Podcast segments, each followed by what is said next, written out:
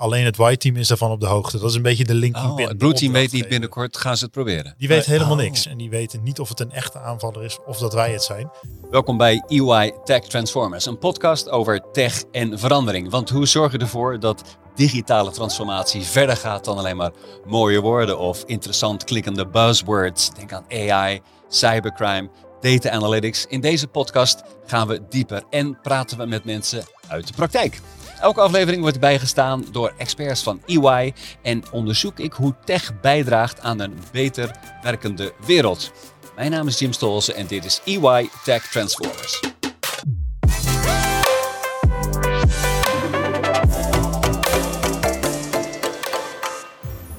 En in deze aflevering gaan we het hebben over cybersecurity. En mijn gasten die zitten hier gebroederlijk naast elkaar aan tafel. Ramon Jansen en Joost Quist. Van harte welkom. Goedemiddag. Dankjewel. Ja, of eigenlijk moet ik zeggen, fijn dat ik hier mag zijn, want ik ben te gast bij jullie. Ja. ja. In de Cross Towers van EY. Is dit ook jullie vaste werkplek? Dit is eigenlijk wel eh, onze vaste werkplek qua kantoor. Ja. Als je nu kijkt naar eh, de afgelopen twee jaren, dan zijn we hier niet zo heel veel te vinden. Dus we zitten ook veel bij klanten wel op locatie, maar ook veel wordt vanuit thuis gedaan. Maar eh, alle team-events en samenkomen om te brainstormen, dat wordt nog steeds hier op locatie gedaan. Ik snap het. En voor de luisteraars, dit was de stem van Ramon Jansen. En als je op zijn LinkedIn-profiel kijkt, dan regent het afkortingen. OSCE, OSEP, OSCP, CRTP, GAL. Wat zijn dat voor afkortingen? Het zijn eh, diverse afkortingen van eh, cybersecurity technische certificeringen.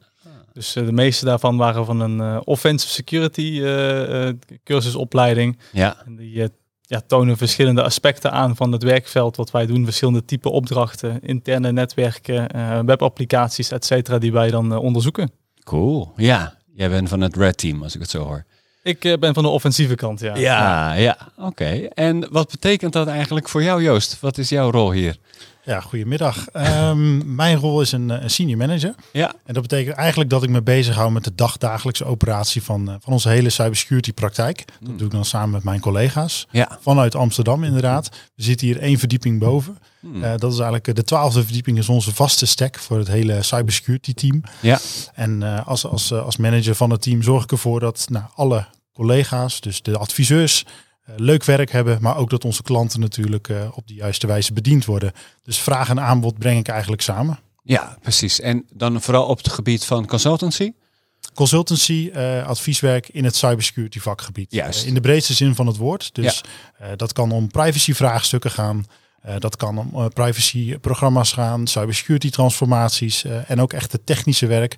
Eh, het, op, het op zoek gaan naar kwetsbaarheden door middel van eh, penetratietesten en red teaming. Ja, nou super cool. Echt heel tof dat jullie mee willen werken aan deze podcast. We gaan meer over jullie eh, te weten komen en meer over jullie eh, werk en ervaringen ook. Misschien dat jullie zelfs ook nog wat eh, kijkjes in de keuken kunnen geven over een case. Daar komen we vanzelf. Eerst wil ik jullie iets beter willen leren kennen. En daarvoor heb ik dilemma's meegenomen. Dit hebben we dus niet afgesproken. Jullie kijken ook blij verrast, eh, zie ik. Ehm, je moet eh, kiezen. En we beginnen en daarna kunnen we wel nuanceren. Ehm, we beginnen bij eh, Ramon. iOS of Android? Android. Android, ja. Allebei Android. Oké. Eh, een stelling. Het bedrijfsleven onderschat de dreiging van cyber. Ramon? Eh, eens. Eens. Ook eens. Ook eens. Tot nu toe zijn jullie eensgezind. Sorry, ja, het Ja. is heel saai, maar we zitten op dezelfde lijn. Een andere keuze. Vergaderen via Teams. eh, in het echt. Of nee, liever de metaverse. Eh, teams is voor mij voldoende. Teams. In het echt. Ja, Joost in het echt. Oké, daar verschillen jullie gelukkig. en eh, nog eentje. Ik ben bij EY gaan werken omdat ik mezelf al over een paar jaar als partner hier zie. Of een andere reden. Andere reden. Joost, Ook een andere reden. ook een andere Ja, reden. Maar dat ga ik toelichten dan. Dat ga je toelichten, ja. Wil je dat gelijk nu al doen?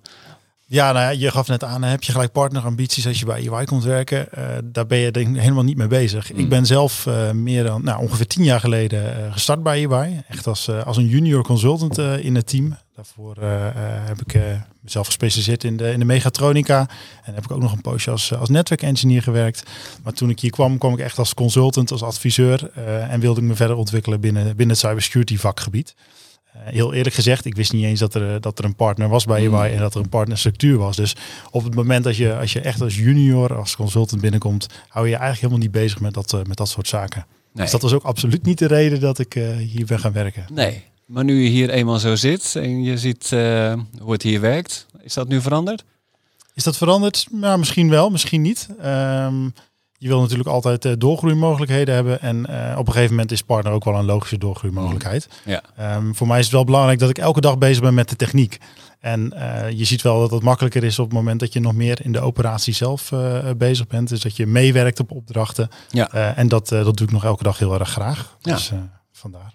Ik hoor het. Ramon, wat, wat deed jij voordat je bij EY werkte? Toen zat ik op school. Ah. Was ik eh, deed ik een opleiding voor eh, software engineer. Dus deed ik eh, programmacode typen en dergelijke. En dat is niet per se iets wat je nodig hebt binnen het cybersecurity werkveld, maar toch zeker wel wat je echt een voorsprong kan geven op dat gebied. Ehm, als jij weet hoe programma's werken en zeker ook waar ze fout kunnen gaan, dat helpt ontzettend als jij ze ook wil breken uiteindelijk. Of als, Ja. als je ze wil misbruiken. Eh, dus ik ben ook eh, zo'n eh, zes jaar geleden gestart bij EY. Echt als ethisch hacker ben ik gestart. Hmm. inmiddels manager binnen het EY, binnen, binnen het team. Ja. Maar ik zit nog altijd met liefde achter het toetsenbord, aan de knoppen, aan de operationele kant. Dus zowel dat ik alles faciliteer bij de klanten van kick-off tot aan rapportbespreking, kan ik het niet laten om ook even achter het toetsenbord te gaan zitten. Geweldig, ja. Maar dat is nog wel bijzonder dat je eigenlijk direct vanuit de schoolbanken bij zo'n organisatie als EY, wereldwijd 300.000 mensen, bent gaan werken. Hoe, hoe- wat, wat sprak jou aan? Ja, dat gaat eh, inderdaad heel snel. Ehm, e- eigenlijk eh, heb ik eh, Joost ook leren kennen tijdens mijn opleiding. Dus vanuit mijn opleiding werd er toen in de gemeente Eindhoven volgens mij werd er een event Ja. georganiseerd. Hack Me Please, nummer twee, dacht ik, als ik het goed heb. En eh, daarbij gingen we dan de gemeente Eindhoven hacken. En dan eh, had EY eh, studenten uitgenodigd van onder andere de Fontes Hogeschool, waar ik dan heb gestudeerd, om, om mee te hacken. Hmm. En daar heb ik blijkbaar een goede indruk achtergelaten. Goed genoeg om ook aan de slag te gaan. Toen nog tijd als, als afstudeerder of als stagiair bij EY. Ja. En inmiddels blijven plakken. Wat gaaf. Dus het was pentesting wat je daar deed. Ja, het was Echt, het, echt het technische werk. Ja, en was het ook gelukt? Eh, ja, we waren toen wel succesvol. We hebben toen volgens mij wel een mooie eindpresentatie kunnen geven voor eh, de gemeente. Ja. En toen dacht Joost, hé, die moeten we hebben. Tuurlijk, ja, dat is, eh, het is heel gaaf eh, dat we met een dergelijk evenement natuurlijk onze klanten kunnen helpen. Eh, Mm. en dat we op deze manier ook eh, nou, eh, nieuwe aanwas kunnen vinden voor, voor het team. En het is echt een goede praktijktest. Dus onder begeleiding is het dan een dag inderdaad eh, de beveiliging testen van, van zo'n organisatie. Ja. En dan kunnen we ook wel heel snel zien eh, wie daar aanleg voor heeft. En eh, wie eventueel eh, andersom natuurlijk ook interesse heeft eh, om voor, ja, in een baan in de cybersecurity-industrie. Ja. En uiteindelijk in ons team. Ja. Nou, te gek. Nou, dan sluiten we aan bij wat ik in de inleiding zei. Hè. Het moet voorbij de mooie woorden gaan. Dit is gewoon mouwen opstropen en kijken waar de vulnerabilities eh, zitten. Ja. ja. Ik zag jou overigens nog een beetje moeilijk kijken toen je moest kiezen tussen iOS of Android. Jazeker, ja. Ik heb eh, van nature altijd eh, zelf eh, Android-toestellen gehad. Ja. Toch wel echt ook, ook zelf ROMs erop installeren natuurlijk. Toch de, de, het aan kunnen aanpassen van je bestuurssysteem vind Ja. ik belangrijk. Zou je misschien ook wel een stukje hacking kunnen noemen. Hmm. Het gaat natuurlijk niet altijd over het uitbuiten van kwetsbaarheden als je het over hacken hebt, maar misschien ook wel het hacken van apparaten. Ehm, en vroeger werden natuurlijk Xboxen en Playstations werden ook gehackt om er uiteindelijk illegale spellen op te kunnen spelen. Dus het hacken van een toestel, in dit geval je telefoon, eh, ja, vind ik ook gaaf. Dus eh, vandaar wel eh, de voorliefde voor Android. Ja. Vanuit het bedrijf wel een iOS-telefoon. Daar blijf ik netjes vanaf, zodat, zodat in ieder geval de beveiliging ook intact blijft. ja. Wat is hier bring your own device of zit je vast aan wat wordt voorgeschreven? Je hebt keuzemogelijkheden, dus je kan kiezen tussen iOS of Android. Ah. Dus dat is op zich, alle keuzes zijn er. Ja. Ja, ja. Heb jij je iPhone wel eens gehackt? Wij eh, onderzoeken ook iPhones. Ik heb zelf geen iPhone. Dus Oh, eh, nee, ik heb de keuze gemaakt voor Android. Eh, Ja. Ook mede met wat Joost zegt, die, eh, die keuzevrijheid of de, de, kust, eh, de aanpassingsvrijheid op zo'n toestel. Ja. Nou, tijdens onze onderzoeken hebben we zeker ook naar eh, iOS-devices gekeken. Naar het device zelf, maar ook naar de apps die daarop staan. Dus eh, qua beveiliging eh, heb ik eh, verhalen voor zowel Android en voor iOS, plussen en, eh, en, en minpunten. Ja, ja. Ja, ik weet nog, mijn eerste iPhone die moest ik wel hacken, omdat ik hem anders niet kon gebruiken in Nederland. Dus dat gilde met jailbreak heette dat. Ja, goed, dat ja. is Ja. heel lang geleden. Nou, hierboven, Jim, hebben we onze ruimte. Ja. Eh, met daarin ook een, een kast. En die ligt dus vol met, eh, met dat soort apparaten. Mm. Eh, tientallen iPhones, tientallen Android-toestellen. Ja, dus als je niet kan kiezen, moet je straks maar even meelopen. cool. Ehm, twee andere dilemma's uh, ging meer over het bedrijfsleven, over de klanten. Daar gaan we straks over uh, spreken. Ik wil eerst nog een beetje weten over hoe nou zo'n dag voor jullie eruit ziet. Want dat is toch het beeld wat mensen hebben van ethische hackers of mensen die in cybersecurity werken, is dat ze een hoodie aan hebben. Nou, dat hebben jullie niet. dat ze op matrix-achtige schermpjes zitten te werken. Vertel even, Joost, hoe, hoe ziet een gemiddelde dag voor jou eruit? De gemiddelde dag voor mij is wel anders, denk ik, dan, uh, dan een gemiddelde dag van onze ethische hackers in het team. Mm. Laten, we dat, uh, laten we dat vooropstellen. Ja. En we hebben ook nog veel andere leden in het team die zich niet bezighouden met hacken. Dus uh, zoals al eerder aangegeven, de privacy-experts. ja. de personen die zich bezighouden met grote transformaties. bijvoorbeeld naar de cloud, et cetera. Maar als we dan kijken naar, naar mijn dag, dagelijks werk, uh, ja, is toch wel mijn e-mailbox is toch wel heel belangrijk. Daar, daar start ik toch wel elke dag mee. Uh, ook omdat daar mijn agenda in zit natuurlijk. Misschien wel cliché, maar uh, daar begint het wel. Ja. Kijken wat de prioriteiten zijn voor die dag. prioriteiten zowel vanuit klantvragen, welke nieuwe mogelijke uitvragen zijn er, waar moeten we op reageren en ook vooral natuurlijk interne team. waar gaan we nu vandaag mee aan de slag als team zijnde? wat is de, ja, het meest belangrijke? Ja, ik denk, je hebt een rode telefoon op jouw bureau en jij zit de hele dag te wachten totdat die gaat. Nee, dat zou heel reactief zijn natuurlijk. Ja. Uh, het zou wel fijn zijn uh, dat je enigszins uh, natuurlijk zelf ook over je planning gaat. Dus dat, dat, dat kan gelukkig. Mm. Um, we hebben gewoon een, een, mooie planning van, van een aantal weken vooruit. Dus we, het is niet dat we heel ad hoc elke dag moeten gaan kijken wat, wat we gaan doen. Nee. Um, maar een, een doorsneeweek bestaat denk ik uit het, het organiseren van verschillende beveiligingsonderzoeken. Die dan onder andere ook door Ramon worden uitgevoerd en met het team. Um, en ook het schrijven, het inschrijven op nieuwe, nieuwe onderzoeken die we graag willen uitvoeren in de toekomst. Ja. Dus zowel ja, toch wel weer die vraag en dat aanbod bij elkaar brengen. Precies. En hoe is de balans bij jou tussen de normale dingen die je overal misschien doet, specifiek uh, wat je doet als ethisch hacker? Ik kan misschien een iets interessanter verhaal dan Joost ophangen.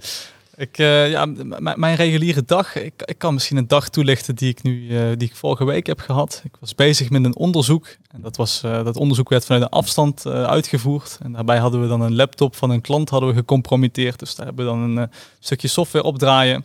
En dan is het toch altijd spannend of dat de nacht overleeft, ehm, of dat nog actief is. Dus dan sta je op en eigenlijk voordat je je kopje koffie haalt, loop je naar je computer toe om te kijken, is mijn, is mijn verbinding nog steeds in stand? Tot, uh, tot dat netwerk, tot die computer. Zo begint dan eigenlijk mijn dag. En dan ga ik ook de mails checken, want dan ben ik een stuk meer, uh, meer opgelucht. En dan Ja. gaan we verder met het team om de rest van het onderzoek uit te voeren. Dit klinkt wel gelijk spannend. Ik, ik zie bijna een Netflix-serie voor me nu. Dat, uh, dat is het zeker, ja. Je hebt een stukje software eh, ergens naar binnen weten te loodsen. En het is kijken hoe lang het duurt voordat het gedetecteerd wordt. Ja, het is, uh, dan hebben we dus één toegangspunt tot een netwerk uh, vaker. Zeker als het vanaf afstand is. Als we Ja. op locatie zitten, dan is het wat makkelijker. Kan je je laptop zelf inprikken.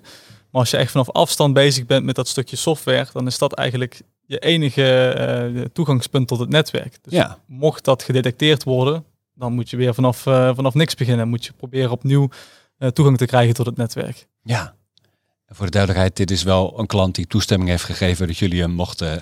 Z- Zeker, we werken alleen maar uh, onder toestemming van klanten, ja. Ja, ja. En met hele mooie vrijwaringen, anders dan uh, Ja. denk ik dat ik het niet lang volhoud. Het is wel te gek. Ik kan me voorstellen dat dit voor jongens en meiden die inderdaad die eigenschappen of die, die kunde hebben, is dit een droombaan. Ja, zeker ja. ja zo ben ik dus ook uh, dus bij EY terechtgekomen. Ja. Ik wist eerst, dacht eerst bij EY al, is misschien een uh, stoffig accountantskantoor, wat misschien veel mensen denken. Dus ik ben Mm. blij dat ze met dat uh, inkijkje in de keuken hebben gegeven van het cybersecurity team, dat het toch ook heel anders kan. Um, ook wat betreft uh, de kledingstijl die je net zei. Ik heb, nou, Ja. ik heb geen zwarte hoodie, maar het is wel voor de kijkers die naar de, Ja. die naar de opnames kijken, een zwart overhemd aan. Dat matcht in elk geval wel. Klopt. Ja. Ja, ik had bij EY ook het idee dat het mannen in blauwe pakken zouden zijn. Maar dat jullie zijn een, eh, een fijne uitzondering eh, daarop. Nou, je merkt wel dat het imago van EY dus aan het veranderen is op deze manier. Hè? Ook digitale transformatie is een belangrijk thema. Wat zou jij nog meer als een misverstand over EY kunnen omschrijven? Misverstand over EY. Dan ga ik het wel beperken tot de cybersecurity Ja, praktijk tuurlijk, waar ja. ik zelf uh, werkzaam ben, als je dat goed vindt. Um, ja, inderdaad, de pakken. Je haalde het net al eventjes aan. Uh, als we één à twee keer per jaar een pak aan hebben, dan, uh, dan is het toch echt wel veel. Uh, vaak, vaker niet, zou ik willen zeggen. de hoodie hebben we ook zeker wel aan. Um, we hebben bijvoorbeeld pizza-sessies of, of, of nerd-sessies, zoals we ze zelf noemen. En dat is echt een moment waar we eigenlijk als, als alle techies van, van het team zijn er bij elkaar komen. We proberen dat zeker één keer in de maand te doen. Uh, bijvoorbeeld op een vrijdagmiddag, uh, daar komen we samen om een capture the flags te doen. bijvoorbeeld een hack the box. Dan pakken we een machine of een uitdaging. En gaan we met z'n allen proberen om, om toch echt zo'n zo'n machine te kraken. Ja. om, en al die kennis bij elkaar te brengen. Dan hebben we absoluut geen, geen pak aan. Maar dan, dan hebben we gewoon een, een hoodie aan met z'n allen. dus dat is eigenlijk wel punt, punt één. Ja. ten tweede... Um, wordt altijd gezegd, het is keihard werken, geen overuren. Nou, dat, uh, daar ben ik het ook niet mee eens. Uh, zeker als, als consultant uh, telt dat bij ons niet. en krijg je ook netjes je overuren. Hmm. is misschien wat, wat overdreven om dat te benoemen. Maar ik wil toch wel gezegd hebben, als je mij de vloer geeft om, om wat zaken Hmm. te debunken. Ik zie het al voor me in de comments inderdaad. Ja, altijd geen 9 tot 5, 80 uur per week werken. Nee, dat is, het, is gewoon, het is gewoon hard werken, maar het is ook heel veel, heel veel lol hebben met elkaar. Mm. Uh, en ook zeker op die, uh, als we kijken naar de team-events uh, die we de afgelopen tijd hebben gedaan. Ik kan ze niet allemaal benoemen, maar want ik weet ze niet allemaal meer. Maar Formule 1 hebben we laatst nog gedaan. we hebben laatst een, een escape room gedaan met het hele team. Heel gaaf. Met, Oh. kon je met, met 40 man kon je één escape room kon je doen. Uh, wat hebben we nog meer gedaan? Kart. Uh, de skitrip. De skitrip natuurlijk, die, uh, die elk jaar plaatsvindt. Dus we hebben best wel veel sociale activiteiten voor nou, toch wel het, het, type mens. Hè? Ja. Als je kijkt naar de nerd, is toch wat misschien meer introvert. waarbij we toch echt nou, toch wel heel veel sociale dingen doen met z'n allen. we En, zijn ja. wel echt op zoek naar de sociale nerd, ook echt voor ons team. Ja. De gemiddelde EY'er tijdens de skitrip, die ja, is heel sociaal, heel echt naar buiten getreden. Het is, was zeker een leuk event om ook weer wat mensen buiten je team te leren kennen. En ja, je, je gaf al aan, uh, EY is ontzettend groot, 300.000 mensen. Ik ken niet al die 300.000 Mm. mensen. We hebben wat samenwerkingen binnen Europa, binnen de verschillende cybersecurity teams. Maar ook hier binnen Nederland werk je gewoon met de verschillende afdelingen samen. Dus uh, het is een heel grote familie. Ja, de droombaan is dat ook. Want ik merk dus dat jij hebt Ramon ooit ben je tegengekomen en is hij de reden? Dat, is dat ook onderdeel van je werk om te kijken waar zit het talent en hoe zorg ik ervoor dat die uh, binnen EY komen? Zeker. en dat is ondertussen ook wel uh, onderdeel van Ramons baan natuurlijk, Oh, als, uh, als een van de managers in het team. Ja.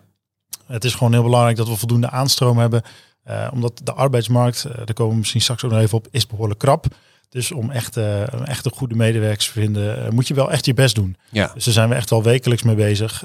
meerdere gesprekken per week om nou ja, nieuwe, nieuwe leden voor het team te werven. Ja. Staan er veel vacatures open nu? Er staan zeker veel vacatures open. Ja, ja. eigenlijk wel op alle, alle niveaus in het team. En ook voor meerdere disciplines. Uh, zowel van privacy tot echt uh, de techies, de, de, de, nerds en de hackers. Ja. Die we ook uh, keihard nodig hebben. Um, ja, die de, kunnen overal werken, hè? Die kunnen inderdaad overal werken. Ja, dus, dus als, als persoon zijnde die op zoek is naar een nieuwe job, is het best makkelijk. En voor ons is het uh, best moeilijk om ja. inderdaad uh, voldoende medewerkers te hebben om alle, aan alle klantvragen te voldoen. Ja, ja. ja. Nou, dat is wel mooi wat, wat Ramon dan zegt. Hij zegt ja, het, het, imago misschien van mensen vroeger als ze dachten aan EY, dan zeggen ze soms ook nog Ernst en Young. Hè? Dat zijn Ja. denk ik alleen boomers die dat, die dat zeggen. Maar dit gezicht van EY, dat is even zo belangrijk. Dus daarom ga je ook naar events om dat te laten zien. Zeker, ja. Ik, uh, laatste event heb ik helaas uh, gemist. Uh, daar kan Ramon misschien meer over vertellen. Dat was een event op Brucon. Door, door corona ook Hmm. nou, ma maximaal 200 deelnemers dit jaar. Dat was jammer. maar dat is wel een jaarlijks hack-evenement. In dit geval in, in België.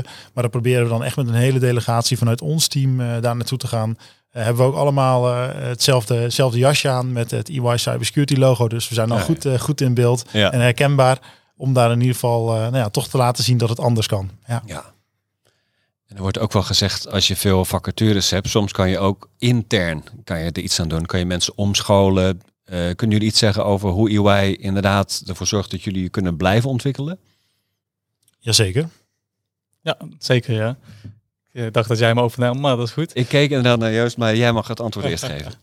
Nee, wij uh, zeker, uh, ja, het is een heel dynamisch werkveld. Elk jaar komen er nieuwe technieken bij, nieuwe ontwikkelingen. Dus we moeten ons altijd blijven bijscholen. Uh, voor de mensen die meer op strategiekant zitten ook, maar ook voor de mensen die dus meer op de technische kant zitten, hebben wij zowel intern als extern trainingsmogelijkheden. We hebben allianties met verschillende partners om trainingen te volgen.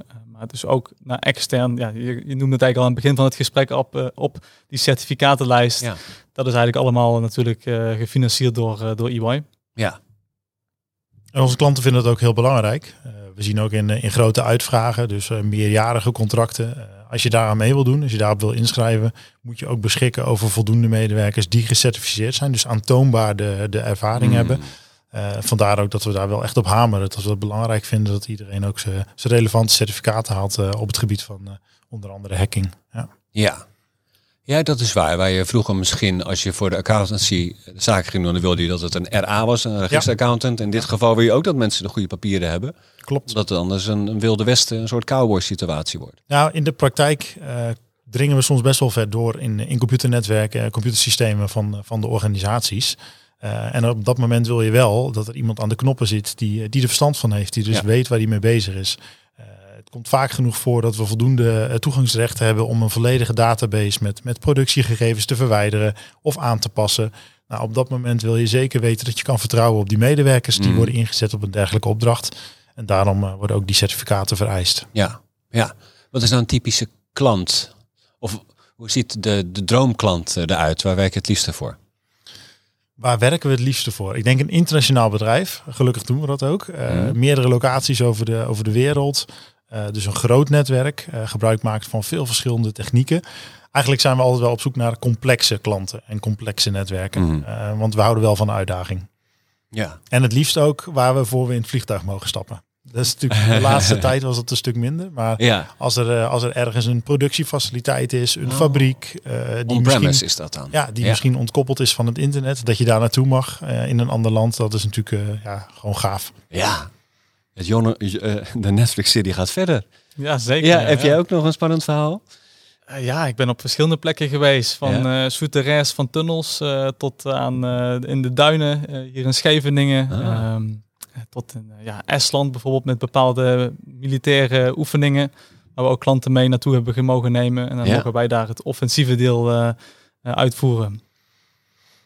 Wat deed je in Scheveningen? Wat deed ik in Scheveningen? Dat was een, uh, was een bepaald project opgericht op het strand. En dat was dan een, in de strandduin was een datacenter. En wij moesten in het datacentrum onze werkzaamheden uitvoeren, want dat moest op locatie. Dus voor mij een redelijke afstand om te reizen. Maar uh, desalniettemin heel leuk om uh, ook uh, tijdens de lunch nog even bij een strandtentje te zitten en mijn eigen klaptafel mee te nemen het datacentrum in.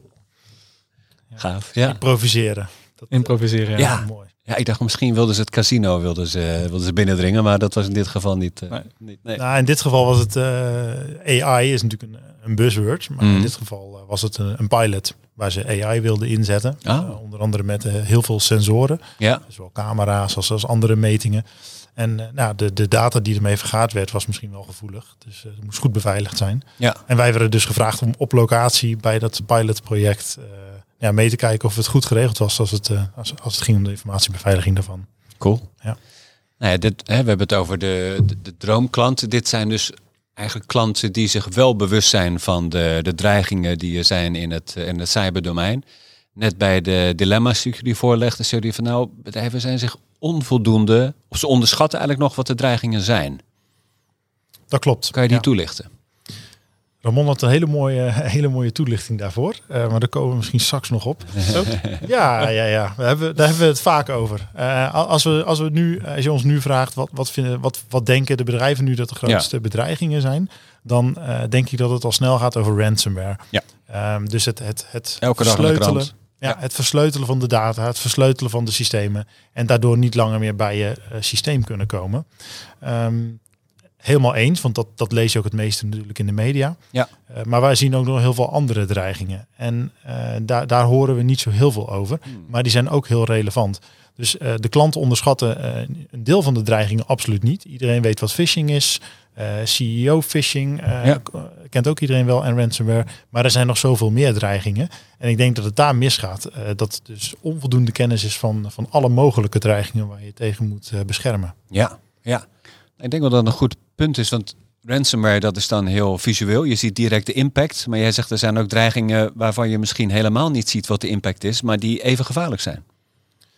Zeker, zeker. Ehm, nou, als we kijken naar de grote, grote aanvallen van de afgelopen tijd, uh, zitten sommige aanvallers wel meer dan een jaar in een, in een computernetwerk uh, zonder op te vallen. Ja. Dus uh, waarbij ze op dag één misschien al wel ransomware hadden kunnen loslaten op het netwerk, houden ze zich stil en bereiden zich voor op, op iets veel groters. Ja. om eigenlijk een veel grotere slag te kunnen slaan dan, dan dat ze op dag één kunnen doen. Dat is natuurlijk een gewaagde zegt, want ja, systemen kunnen misschien geüpdate worden, zoals Ramon net aangaf met die toegang. Die toegang kan je in één keer kwijt zijn. Ja. als je een nachtje gaat slapen. Maar toch, als je het goed inricht, is de buit en nou, veel groter dan, dan als je gelijk met ransomware aan de slag gaat. Ja. Wat zie jij als mogelijke dreigingen? Ik denk altijd dat vaak denken klanten, oh wij moeten resistent zijn tegen ransomware. Dus wij moeten een goede backup procedure hebben, goed, goed backup beleid ja. hebben. zijn onze backups veilig is meestal de vraag die ik hoor van de klanten. Maar als ik kijk naar de, de, ook de recente aanvallen, we hebben nu ook te maken met uh, opschep-hackers. Ik weet niet of je die term al hebt gehoord, nee. maar dat zijn eigenlijk hackers die het voor, voor de lol doen. Hacking voor de lulls uh, oh. noemen ze dat dan. Dat is een uh, term die al wat langer meegaat, maar eigenlijk, ja, dat is geen, geen verdienmodel. Dus dat zie je eigenlijk maar zelden. Mm. En nu is er toevallig een groep pering die daar veel mee bezig is. Maar ook op het gebied van ransomware. We zien eigenlijk dat in vier van de vijf ransomware aanvallen gaat het verder dan alleen het versleutelen van de data, maar wordt er ook bijvoorbeeld gedreigd, wordt er afgeperst met het uh, uh, vrijbrengen van de data of Mm. gebruiken tegen de klanten van de organisaties. Ja. Dus dan heb je misschien wel backups en dan kan je misschien wel alles herstellen. Maar als de data eenmaal op straat ligt, dan ben je nog veel verder van huis. Dus dan moet er ook veel meer beveiligd worden dan alleen die backup procedure. Ja. Zeg eens eerlijk, als er dan zoiets gebeurt als uh, Log4j of uh, net als met Okta nog uh, recent, heb je dan zoiets van, hey, aan de bak jongens? Of eh, zit je te balen van, oh jee, wat gebeurt er nou weer? Ja, misschien ook een klein beetje balen, omdat heel veel, komen denk ik heel veel vragen binnen alleen maar over dat specifieke vraagstuk. Maar het gaat eigenlijk of die gelaagde beveiliging goed is, of het Hmm. op alle facetten goed geregeld is, in plaats van dat we altijd in moeten zoomen op dat ene aspect, of het nou Log4j is, of ja, Okta is een iets, uh, iets breder verhaal natuurlijk. Ja. Ja. En jij? Ja, never waste a good incident zou ik zeggen. Dat, uh, dat zie je veel. Uh, dat is het, uh, het, bordje wat bij de CISO op, op de muur hangt. Ja. Um, dus ja, het is altijd goed voor de bewustwording. En dat vind ik wel belangrijk. Ook al wordt één bedrijf gehackt, laten de andere bedrijven daar dan van leren, alsjeblieft. Hmm. Dan, dan hebben we er nog wat aan. Ja. Dus dat is, dat is wel belangrijk. Ja. Daarom duiken we ook wel altijd in, de, in dit soort verhalen. Als we dat dan lezen, dan uh, gaan we gelijk kijken wat is er aan de hand. Hoe kunnen wij nou, de, deze informatie weer gebruiken om onze eigen klantenkring Hmm. beter te beveiligen tegen dit soort, uh, tegen dit soort aanvallers. Ja. Ja, daar zeg je wat. Ik kan me nog herinneren, dat is al, ik denk wel tien jaar geleden, dat, dat een CEO van een groot Nederlands bedrijf zei, ja, ik snap niet waarom we zoveel geld besteden aan, aan een CISO, want ja, we worden nooit gehackt. ja, dat is omdat we zoveel geld besteden daaraan. Ja. Is dat iets wat jij herkent, dat het lastig is om de business case te maken? Uh, afhankelijk van, uh, van het verdienmodel van het bedrijf, denk Mm. ik. Um, als je heel veel zaken produceert misschien, uh, dus met, vooral met, met, met fabrieken te maken hebt die niet aangesloten zijn op het internet, zou je misschien nog een heel eind komen met een, met een beperkt informatiebeveiligingsbudget. Ja. Op het moment dat jij een, een, nou, een bedrijfsmodel hebt wat volledig online is, denk bijvoorbeeld aan een Uber of, of een ander platform, uh, een marktplaats om het zo maar te zeggen, dan ben je natuurlijk veel meer afhankelijk van, uh, van IT en die IT-middelen. Ja. En zal dus ook gewoon het budget natuurlijk uh, evenredig uh, daarvoor beschikbaar moeten zijn. Dus dat, dus de, het gaat om de business case uiteindelijk. Uh, wat wil je beschermen uh, en wat zet je er tegenover? Ja. ja. En daar zijn ook wij voor. Wij zijn daarvoor de bedrijven die denken, hm, misschien gaat het niet helemaal goed uh, binnen onze beveiliging. Laten we eens een onderzoek laten uitvoeren door, uh, door de mannen van EY. En dan uh, kunnen wij een rapportage opstellen waar het allemaal misgaat. Kan er een prioritisering uh, plaatsvinden. En dan kan ook het juiste, de juiste middelen beschikbaar worden gesteld. Of het nu gaat om budget of om kennis bij de, bij de ja. collega's van het bedrijf. Goeie, dan is het niet wij van WC Eend, maar dan is het nee, een externe partij die ja. zegt dit. Ja. ja, dat zien we heel vaak. Dat uh, eigenlijk de beheerders zelf bij het bedrijf al maanden, jaren aangeven van het gaat mis, maar we kunnen ja. er niks aan doen. En dan zodra dat onze rapportage erbij komt, dan kan er misschien in één keer veel meer. Ja.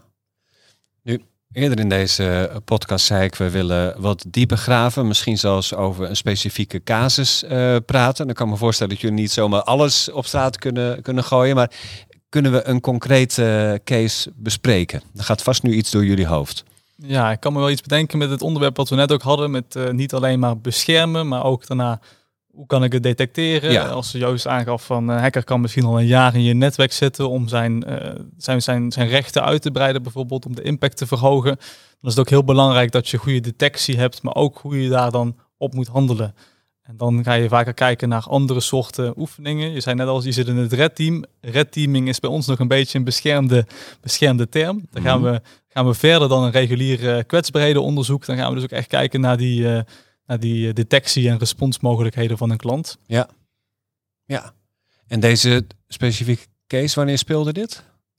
Dit uh, is eigenlijk iets wat wij uh, continu uitvoeren. Ja. Dus dit zijn ook opdrachten die meestal een langere doorlooptijd hebben. Die zijn soms vier à zes maanden. Ja. Dan zijn we niet vier à zes maanden fulltime bezig bij dat bedrijf. Maar juist omdat we dat op een rustig tempo moeten, moeten aanpakken, omdat we niet gedetecteerd willen worden, strijken we dat uit over zo'n lange doorlooptijd. Ja. Dus dat zijn eigenlijk altijd wel opdrachten die wij, uh, die wij uitvoeren. Ja. ja, voor deze case hebben we iets in gedachten van, uh, van vorig jaar. Dus redelijk, redelijk recent. Mm -hmm. uh, dus inderdaad, een van de red teams die we hebben uitgevoerd. Ja. daar, daar kunnen we wel wat meer over vertellen. Ja. Nou. Zonder de klantnaam te noemen, dat, dat gaat natuurlijk niet. Welke sector? Welke sector? Ja? Vertellen we ook niet. Oh, oké. Okay. Nou, Sorry. Wat kan je wel vertellen? Wat kan je wel vertellen? Ik denk dat ik dat even aan Ramonda overlaat. uh, hij was, uh, hij was aan het eindverantwoordelijke voor, uh, voor, de, voor deze specifieke casus. Um, en de klantvraag was in het kort. Wij hebben inderdaad detectiecapaciteit. In dit geval een, een SOC, een Security Operations Center. Waar nou ja, verschillende medewerkers continu het netwerk, de computersystemen in de gaten houden. Maar we willen nu echt eens even goed testen uh, of zij in staat zijn om geavanceerde aanvallen te detecteren. Ja. En niet alleen maar detecteren. Dat is namelijk, er gaat ergens een alarmbel af en dat signaleren misschien. Ja. Maar ook daarop te reageren. Hmm. Zodat als het echt zou gebeuren, uh, er goed uh, ingegrepen zou worden. Ja. ja. misschien goed om daar een paar termen bij toe te lichten. Ja, Die ga ik misschien nu een paar keer gebruiken. Uh, misschien zijn sommige luisteraars daar wel op bekend mee, maar dat is een term red team.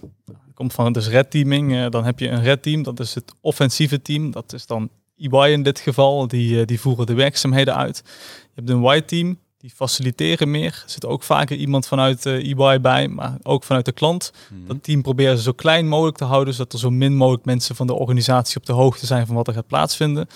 En dan heb je het blue team, dat is dan bij de klant veelal het geval, of bij een uh, service provider die de detecties gaat doen die, uh, die uh, aan de defensieve kant zit van het verhaal. Ja. Komt uit het Amerikaanse bedrijfsleven volgens mij, hè? Dat, ja. ja. precies. Dat komt inderdaad een stukje uit de militaire wereld. Oh, militair, ja, precies. Ja. ja. Ja, dus uh, bij dat soort opdrachten maken we eigenlijk altijd gebruik van uh, de laatste, nieuwste technieken. Want ja, alles gaat in real-time tegen elkaar. Het is echt een kat-en-muisspel. Niet alleen een kat-en-muisspel met de makers van het antivirusproducten, maar dus ook een kat-en-muisspel met het bedrijf in die situatie echt. Ja, ik gaf het net al aan bij die reguliere dag een beetje van de druk staat altijd heel hoog, want als je eenmaal wordt gepakt en je hebt geen niks meer om op terug te vallen, dan moet je weer vanaf het begin beginnen. Ja. En wat was de vraag van de klant in, in, in dit geval? Vroeg hij hier letterlijk om? Ja, die, die, die, die vragen hierom. Hm. Dat zijn meestal klanten die al uh, iets vaker van dit soort onderzoeken hebben laten uitvoeren. Of uh, iets beter beeld al hebben van hun netwerk. Iets hoger al qua, qua volwassenheid staan op het cybersecurity gebied. Die zich minder zorgen maken om die, die bescherming. En dus ook meer willen kijken van nou wat nou als er wel nog iets doorkomt. Kunnen we dat dan ook daadwerkelijk detecteren? Zijn we dan ook snel genoeg om daarop, uh, om daarop te reageren? reageren ja. Ja, bij dat soort onderzoeken, ja, dus de, de, de nieuwste technieken, dus uh, wel een leuke techniek waar wij uh, een uitzondering bij hebben. Dus ik denk een unieke uitzondering vanuit Microsoft is dat wij een techniek genaamd domain fronting mogen, mogen gebruiken binnen de cloud. Domain fronting. Domain fronting, ja. Hmm. Dus dat we eigenlijk gebruik maken van de, de services van Microsoft zelf om ons voor te doen als zijnde Microsoft of andere cloud leveranciers hebben vaak ook dit soort mogelijkheden. Waardoor het eigenlijk voor een bedrijf onmogelijk is om ons verkeer te onderscheiden van het reguliere verkeer wat, uh, wat van dat soort grote cloud, cloud providers uh, ja. afkomstig is. En dat is dus eigenlijk een, uh, een, een iets waar je voor verbannen kan worden op Azure en op andere cloud, clouddiensten. Als je het zonder toestemming doet. Als je het zonder toestemming ja. doet. Maar ja, kijk, als een kwaadwillende dat een week lang kan gebruiken, die techniek, en daarna wordt verbannen en een nieuwe account aanmaakt, ja, dan willen wij het natuurlijk ook kunnen gebruiken. Ja. Dus daar hebben wij dan speciale regelingen voor getroffen, dat wij dat ook mogen gebruiken, dat soort leuke technieken. Dat is wel te gek. In, ja, in, in mijn lekentaal, het is, je komt op de whitelist, dus je hoeft minder moeite te doen om, om binnen te komen. Ja, ja dus Ja. ja. ja, een bedrijf kan eigenlijk bijvoorbeeld niet Microsoft blokkeren. Dan, Nee. dan gaat alles stuk. Dus eh, op die manier wordt het heel lastig En jullie om ons mogen te dat en om ons Ja. te blokkeren. Ja. Ja, en wat was het resultaat? Uh, nou, de resultaten zijn, uh, nou, ik, ik, wil niet per se zeggen goed. Zo'n zo'n zo'n onderzoek, zo'n red teaming onderzoek is nooit falen of slagen eigenlijk. Mm. er wordt niet een, een, een, bedrijf wordt niet in één keer van het internet afgesloten als ze die oefening niet halen. Het is echt voor het bewustzijn en ja, er zijn altijd verbetermogelijkheden. Dus we doen ook altijd zo'n oefening ronden we af met iets wat we noemen een hot wash-up. Waar we dan samen met het blue team, dus het red team en het blue team en ook het white team natuurlijk, die gaan samen bij elkaar zitten en vertellen wat is er nou eigenlijk allemaal uitgevoerd, wat hebben jullie gedetecteerd, wat hebben wij gedaan, hoe kunnen we ja, eigenlijk allebei van elkaar leren. Hun een betere beveiliging en wij bij een vervolgonderzoek bij een andere klant of bij diezelfde klant uh, in de toekomst veel beter maken. En misschien om daarop in te haken, Ramon. Bij een red team spreek je van tevoren met de klant een paar vlaggen af. Uh, je, je vroeg net ook van wat was nou de klantvraag? Nou, de klantvraag was nummer één. Hoe goed zijn wij in staat om die, eh, die geavanceerde aanvallen te detecteren? En vervolgens maak je dus een, samen met de klant een risicoanalyse en ga je bepalen, maar wanneer is dan zo'n geavanceerde aanval geslaagd? Ja. als ze in de klantdatabase aankomen of financiële gegevens in, in, in een ander systeem. Capture the flag. Capture the flag eigenlijk. En, en dan op die manier uh, definiëren we verschillende vlaggen. Uh, verschillende scenario's en, en die gaan we dan ook proberen na te streven uh, en te behalen tijdens de uitvoering ervan. Te beginnen met wat makkelijkere en uiteindelijk misschien wel ja, de, de prijs of het, het, hoofddoel, misschien echt wel die financiële gegevens of het kunnen overmaken van uh, bijvoorbeeld een financiële transactie in, in een bepaald systeem. Ja, en ben jij de onderdeel van het red team of het white team? Speel je mee met de blauwe?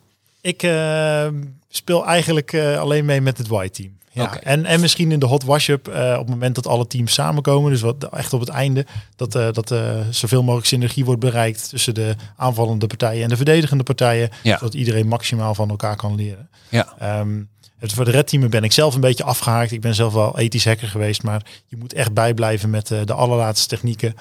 Dat is me net even niet meer gelukt. Het zou misschien wel weer lukken als ik er heel veel tijd in zou steken. maar ik moet eerlijk bekennen, dat, dat lukt gewoon even niet meer. Uh, dus daar heb ik gelukkig Ramon voor uh, en andere teamleden. Ja, in jouw dus tijd vooral... was er nog geen domain fronting. Dat klopt. Althans, ja. ik was me er niet van bewust. Nee. maar dat is dan wel tien jaar geleden. Hadden we weer andere mogelijke manieren om binnen te komen. Ja. dus met name het contact met de opdrachtgever om, om nou, afspraken te maken over dit soort opdrachten. Uh, omdat het natuurlijk ook uh, snel kan escaleren. Ja. Uh, zeker op het moment dat daar ook fysieke componenten onderdeel van uitmaken. Een soort van mystery guest, waar we ook proberen fysiek in te breken bij sommige ja. bedrijven. Dat kan echt misgaan. de beveiliging kan gebeld worden, de politie kan gebeld worden. En voor je het weet heb, je, heb je met dingen te maken die ja, van tevoren helemaal niet te overzien waren. Dat wil je natuurlijk zoveel mogelijk voorkomen. Dus daarom is goed klantcontact met een aantal contactpersonen wel echt belangrijk. Ja. Om tot een goed eindresultaat te komen. Want dat doe jij wel nog.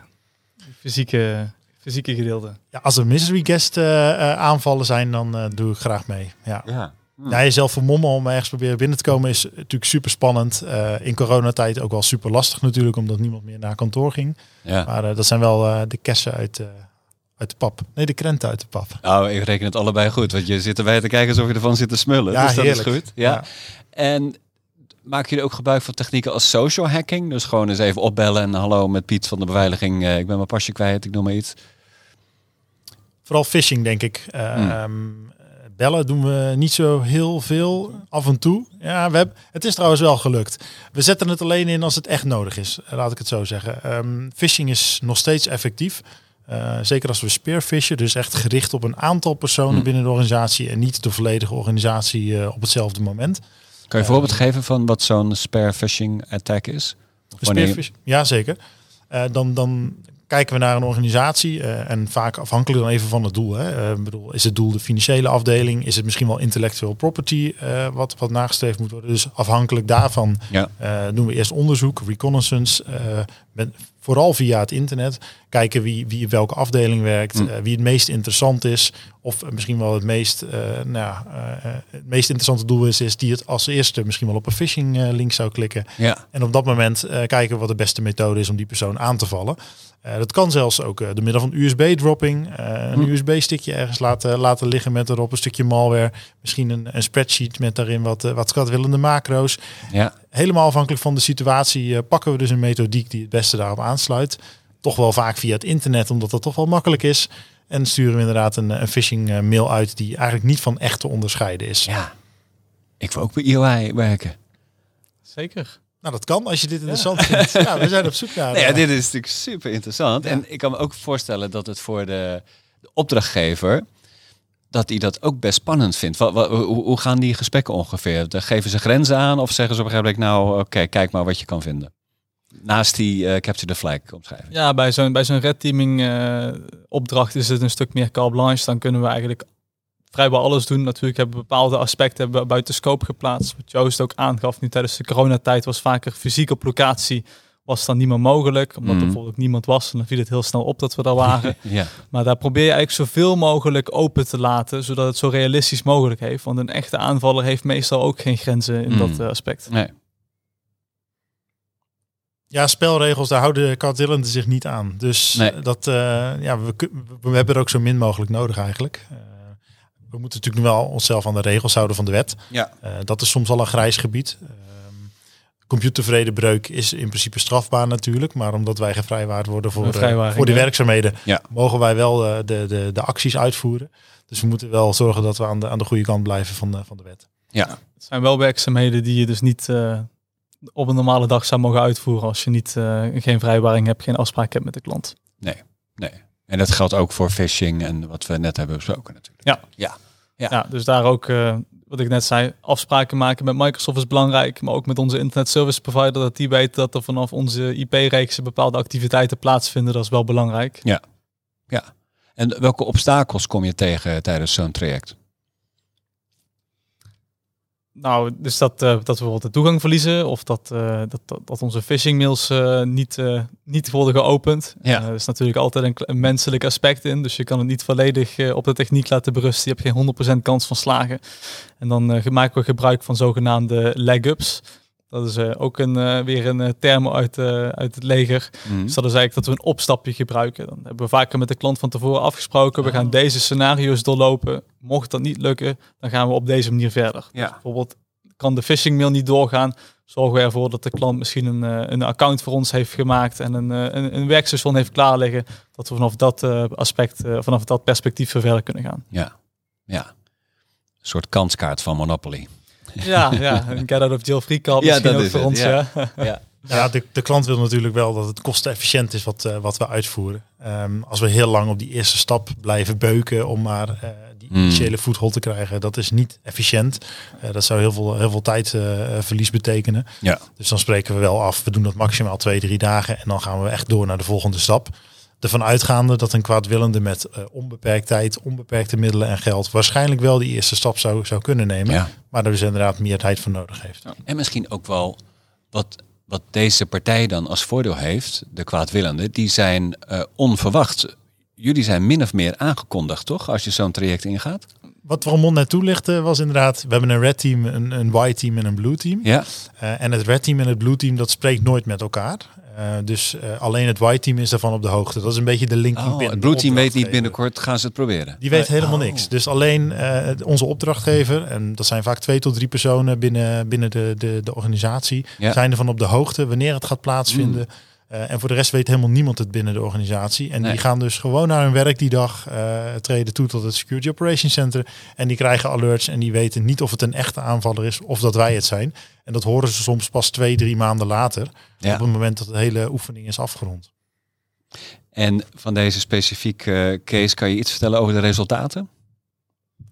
Je gaf net aan dat we een, eh, een aantal flags hadden gedefinieerd. En eh, bij deze specifieke case hadden we ook al die, die flags behaald. Allemaal? Dus het was wel eh, was een heel waardevolle en vooral spannende, spannende oefening. Ja. Zo'n oefening waarvan je zou zeggen, nou, we zijn nog wel sommige avonden tot acht uur doorgegaan met de collega's. Gewoon ook omdat, ja, het is toch een stukje passie ook. Het voelt niet alleen maar als werken dan. En dan ga je ook nog eventjes na vijf uur door om proberen de doelen te behalen. Ja.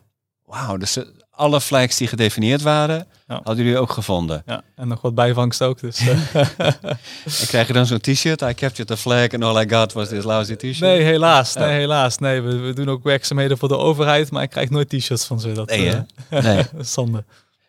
Is er dan sprake van een beetje chagrijn eh, bij de andere kant van de lijn? Van nou ja, dus, blijkbaar is het niet zo goed geregeld bij ons. Moet je nog nazorg doen? Nee, ja, we doen wel eh, we doen voldoende nazorg. Dus ook in die, in die feedbackronde die we doen, maar ook daarna eh, zijn wij eigenlijk altijd aanspreekpunt. Ook tijdens het oplossingstraject eh, denken we heel vaak mee. vroegtijdig schakelen van gaat dit het oplossen? Of Ja. gaat dit misschien nog extra problemen veroorzaken bijvoorbeeld? Ja, iemand krijgt op falie. Ja, dat, dat is wel zo. Maar de, wat ik merk eigenlijk dat de, klanten waarmee ik het liefste samenwerk, zijn de klanten die het echt als een kans zien. Die zeggen van ja, ik, ik kan hier wel mee naar de CFO gaan om met de rapportage te slaan, omdat ik extra budget nodig heb, extra mensen nodig heb. Ja, ja. Ik wil bijna zeggen, jongens, we gaan bijna naar de hot wash-up van deze podcastaflevering. We gaan namelijk een beetje vooruit eh, kijken. Wat zijn volgens jullie de belangrijkste ontwikkelingen op dit, eh, op dit gebied? Wat, eh, wat zit er aan te komen? Belangrijke ontwikkelingen.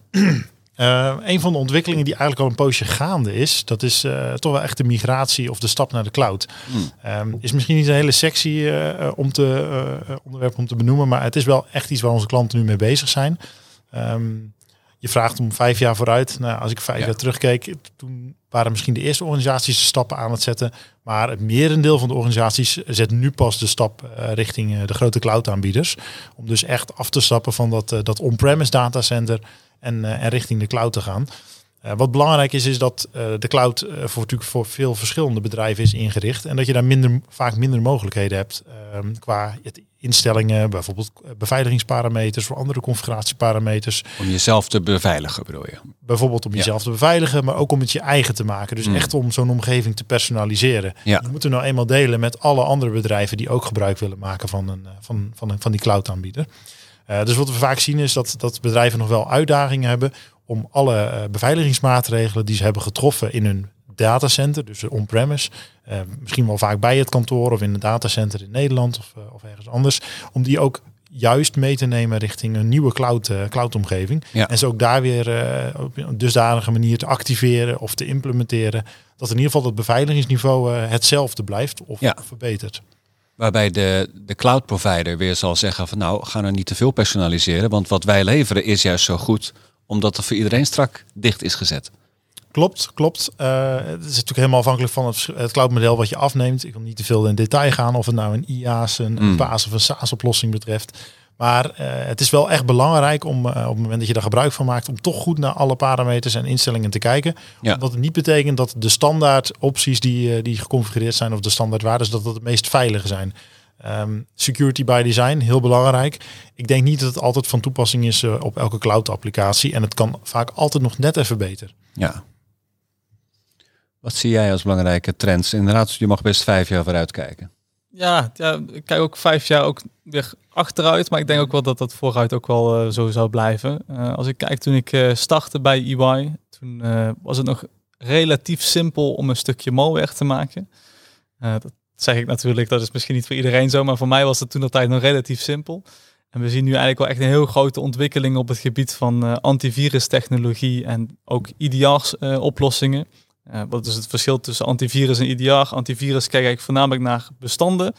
Ik kan tegenwoordig kan ik duizend bestanden maken in een fractie van een seconde die allemaal hetzelfde doen, maar net iets anders eruit zien.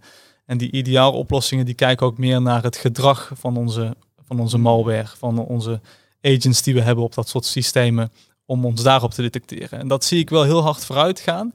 Maar nog steeds wil ik niet eh, aanbevelen dat eh, elke klant kan zeggen: Oké, dus ik heb mijn goede oplossing en dan ben ik veilig. Want er zijn nog steeds voldoende manieren om eh, de diverse IDR-providers eh, te omzeilen. Ja.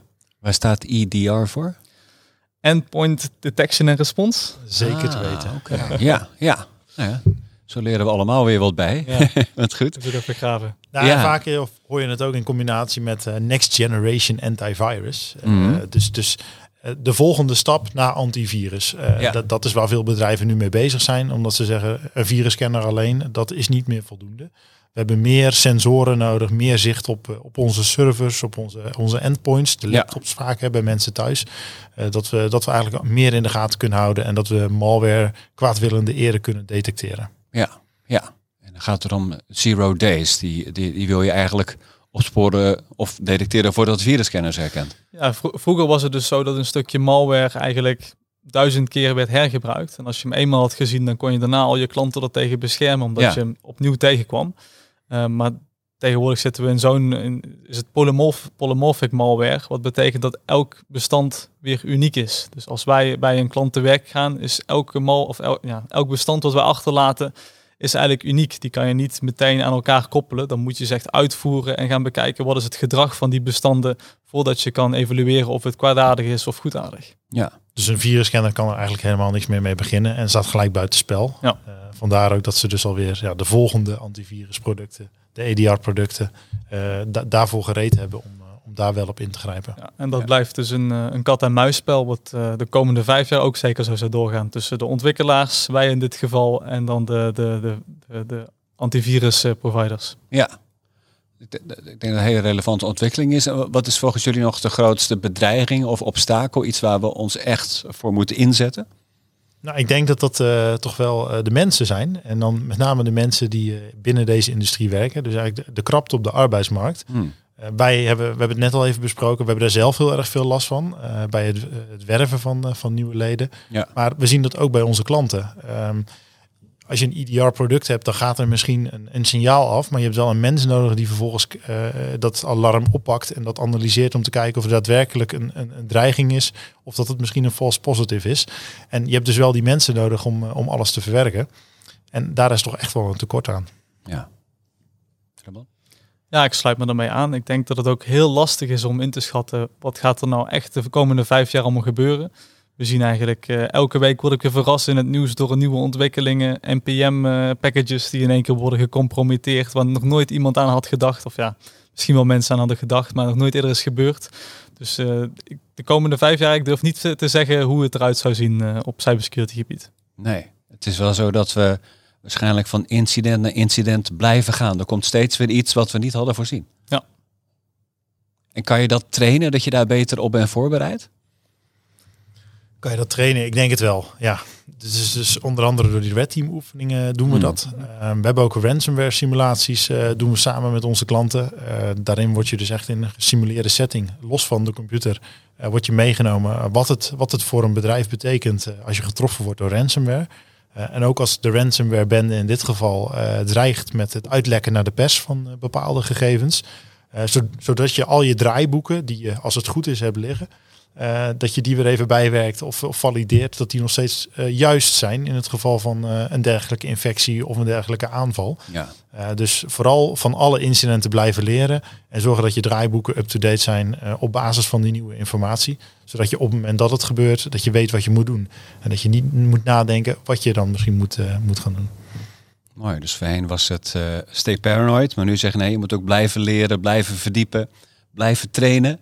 Op die manier zorg je ervoor dat we allemaal een beetje veiliger blijven. Ja, in het mooie cyberdomein. Ja, ik wil jullie bedanken voor jullie tijd en ook jullie oprechte uh, kennis die jullie hebben gedeeld met het luisteraars.